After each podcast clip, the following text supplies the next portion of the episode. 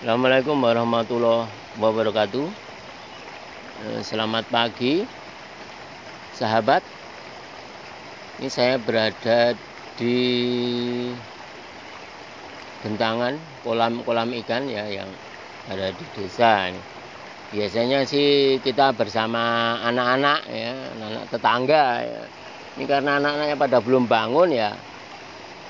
Ini kita bersama anak-anak ikan saja. Ini di depan saya banyak ikan-ikan yang sedang menunggu diberi makan ya. Ini pada baris ya. Begitu saya datang ya, mereka mendekat. Dari sekian ikan itu tidak ada yang tabrakan itu ya. Nah sahabat, ini saya mau buat eh, cerita ya, dongeng zaman dulu waktu saya sekolah itu ya. Eh, dongeng favorit ya kalau di kelas itu. Itu dongeng tentang kancil ya. Ini saya ambil eh, judulnya ya sabuk Nabi Sulaiman. Pagi itu kancil berjalan-jalan di tepi hutan. Tapi hup ada macan lapar datang menghadangnya.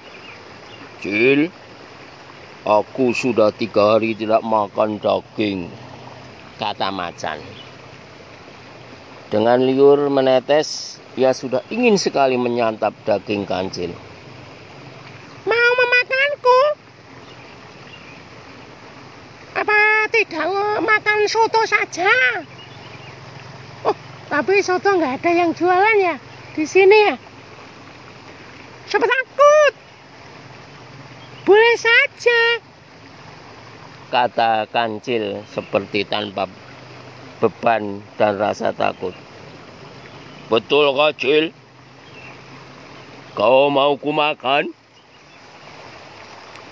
Tanya macan dengan girang dan mata berbinar. Aku maklum. Aku kan hewan kecil. Mau menolak juga tidak bisa. Tapi Kenapa, Cil? sebelum aku mati, izinkan aku minta satu hal. Apa itu, Cil? Biarkan aku mencari makanan sebentar saja di sekitar sini. Aku akan makan daun atau apa saja deh. Syukur kalau ada mentimun. Kalau sate sih aku nggak doyan. Apalagi eh, soto nggak doyan juga. Baiklah, Cil. Permintaan terakhirmu kukabulkan. Terima kasih, macan yang baik hati. Sekarang, tolong pejamkan matamu sebentar. Loh, kok pakai pejam mata segala, Cil? Iya, Chan. Seperti main peta umpet itu loh. Kayak anak-anak kecil itu loh. Main peta umpet. Dihitung satu, dua, tiga, empat, lima, enam, tujuh, delapan, sembilan, sepuluh gitu loh. Wah, aku tak bisa lari terlalu jauh darimu. Baiklah, Cil. Kupejamkan mataku. Lalu, kancil berlari sekuat tenaganya. Sudah, Cil. Belum. Sudah, Cil. Tanya macan sekali lagi. Jawab kancil dengan suara seperti sayup-sayup agaknya. Dia sudah berada di kejauhan. Sudah, Cil. Macan bertanya lagi. Sudah, Cil. Kancil tidak menjawab lagi. Macan segera membuka sepasang matanya. Wah! Sudah mirip suara macan belum ya? Susah ya? Coba ini. Sudah mirip belum?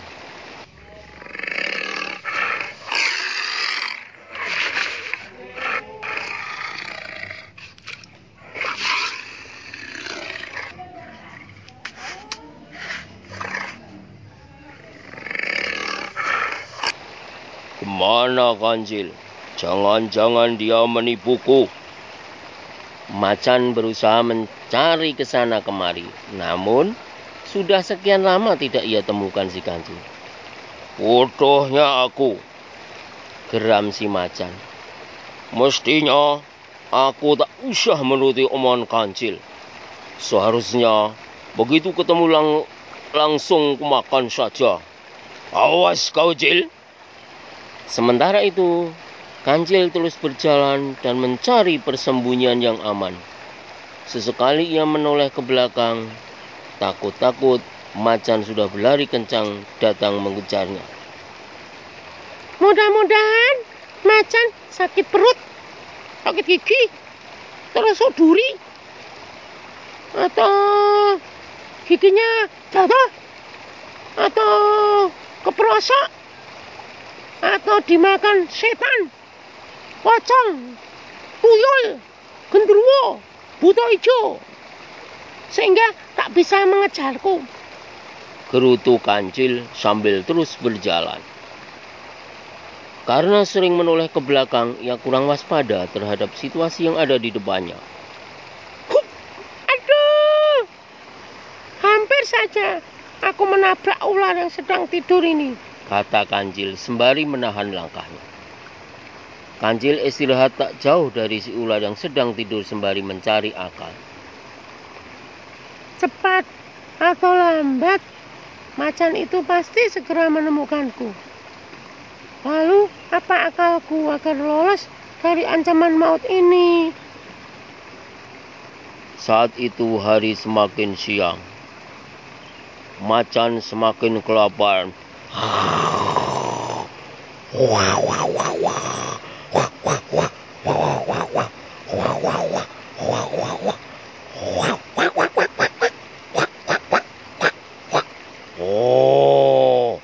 oh, kurang ajar. Sembunyi di mana pun kau pasti dapat kutemukan. Aku mencium bau keringatmu dari kejauhan. Bacin, kayaknya kamu belum mandi. Ketahuan kalau belum mandi baunya bau encut sekali. Ha ha. Aku sudah lapar. Tidak ada yang jual sate di sini. Wah. Ah, soto ya juga tidak ada kan di hutan ya. Ha ha ha ha. Tak berapa lama kemudian, Ya, ini dia. Kata macan dengan girang setelah menemukan kancil. Desis kancil lirih. Jangan bicara keras-keras, Chan. Mau apa lagi? Mau menipuku? Tidak. Tenang sajalah dulu. Sahut kancil dengan enteng. Usus di dalam perutku sudah meronta-ronta. Aku sudah sangat lapar, Cil. Sudahlah, relakan dirimu kumakan. Sabar. Kalau sabar itu disayang Tuhan. Ya, sabar dulu toh. Kalau orang Jawa bilang itu nyebar godong koro. Sabar sak mentoro. Aku duduk di sini sebenarnya sedang bertugas. Aku diperintah oleh baginda Nabi Sulaiman. Jangan ngaco. Apa tugasmu? Mari ikut aku.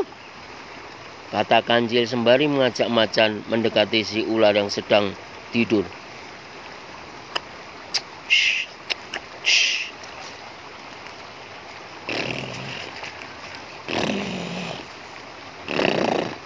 Rupanya si ular ngorok tidurnya ular kok ngorok ya? Apa ular ngorok? Ya mungkin saja.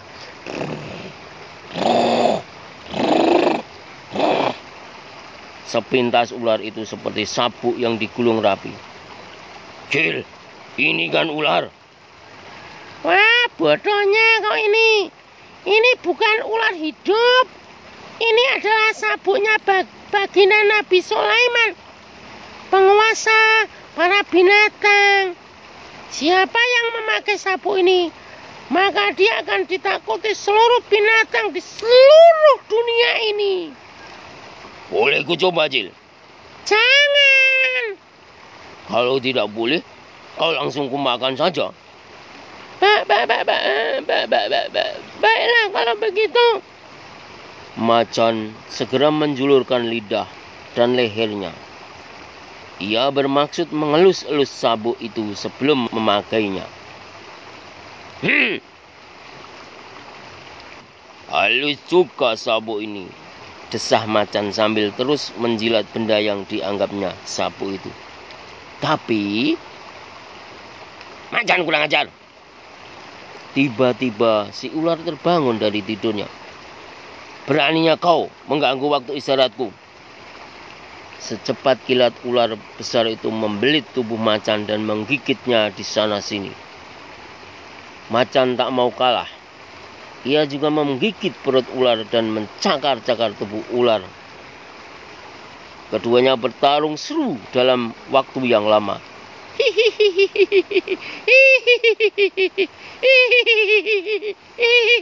Bukan kayak setan ini. Kanjil tertawa. Aku tak mau tahu siapa yang akan menang dan bertahan hidup lebih baik aku segera pergi dari sini sebelum mereka sadar. Demikianlah, sahabat, uh, dongeng tentang kancil. Mungkin zaman dahulu uh, dongeng ini diceritakan untuk menyampaikan pesan kepada anak-anak ya. Pasti ada pesan yang akan disampaikan melalui sebuah dongeng. Yang pada intinya bahwa dalam kondisi apa pun, dalam bahaya apa pun, dalam situasi apa pun kita tidak perlu panik. Seperti kancil ya, belum dalam bahaya cengker akan diterkam oleh akan dimakan oleh macan tapi tetap tenang, tidak panik agar bisa mencari solusi jadi pesan ini penting eh, bagi sahabatnya, bagi kita dan sahabat. Seberapapun bahayanya, seberapapun masalahnya, pasti ada jalan keluarnya. Asal kita tenang dan tidak panik. Ya. Supaya pemecahan masalah ini dapat dengan mudah ditemukan kalau keadaan kita eh, tidak panik dan dalam keadaan yang tenang. Demikian sahabat eh, cerita kancil yang betul sabuk Nabi Sulaiman. Selamat berjumpa di episode kancil selanjutnya. Wassalamualaikum warahmatullahi wabarakatuh.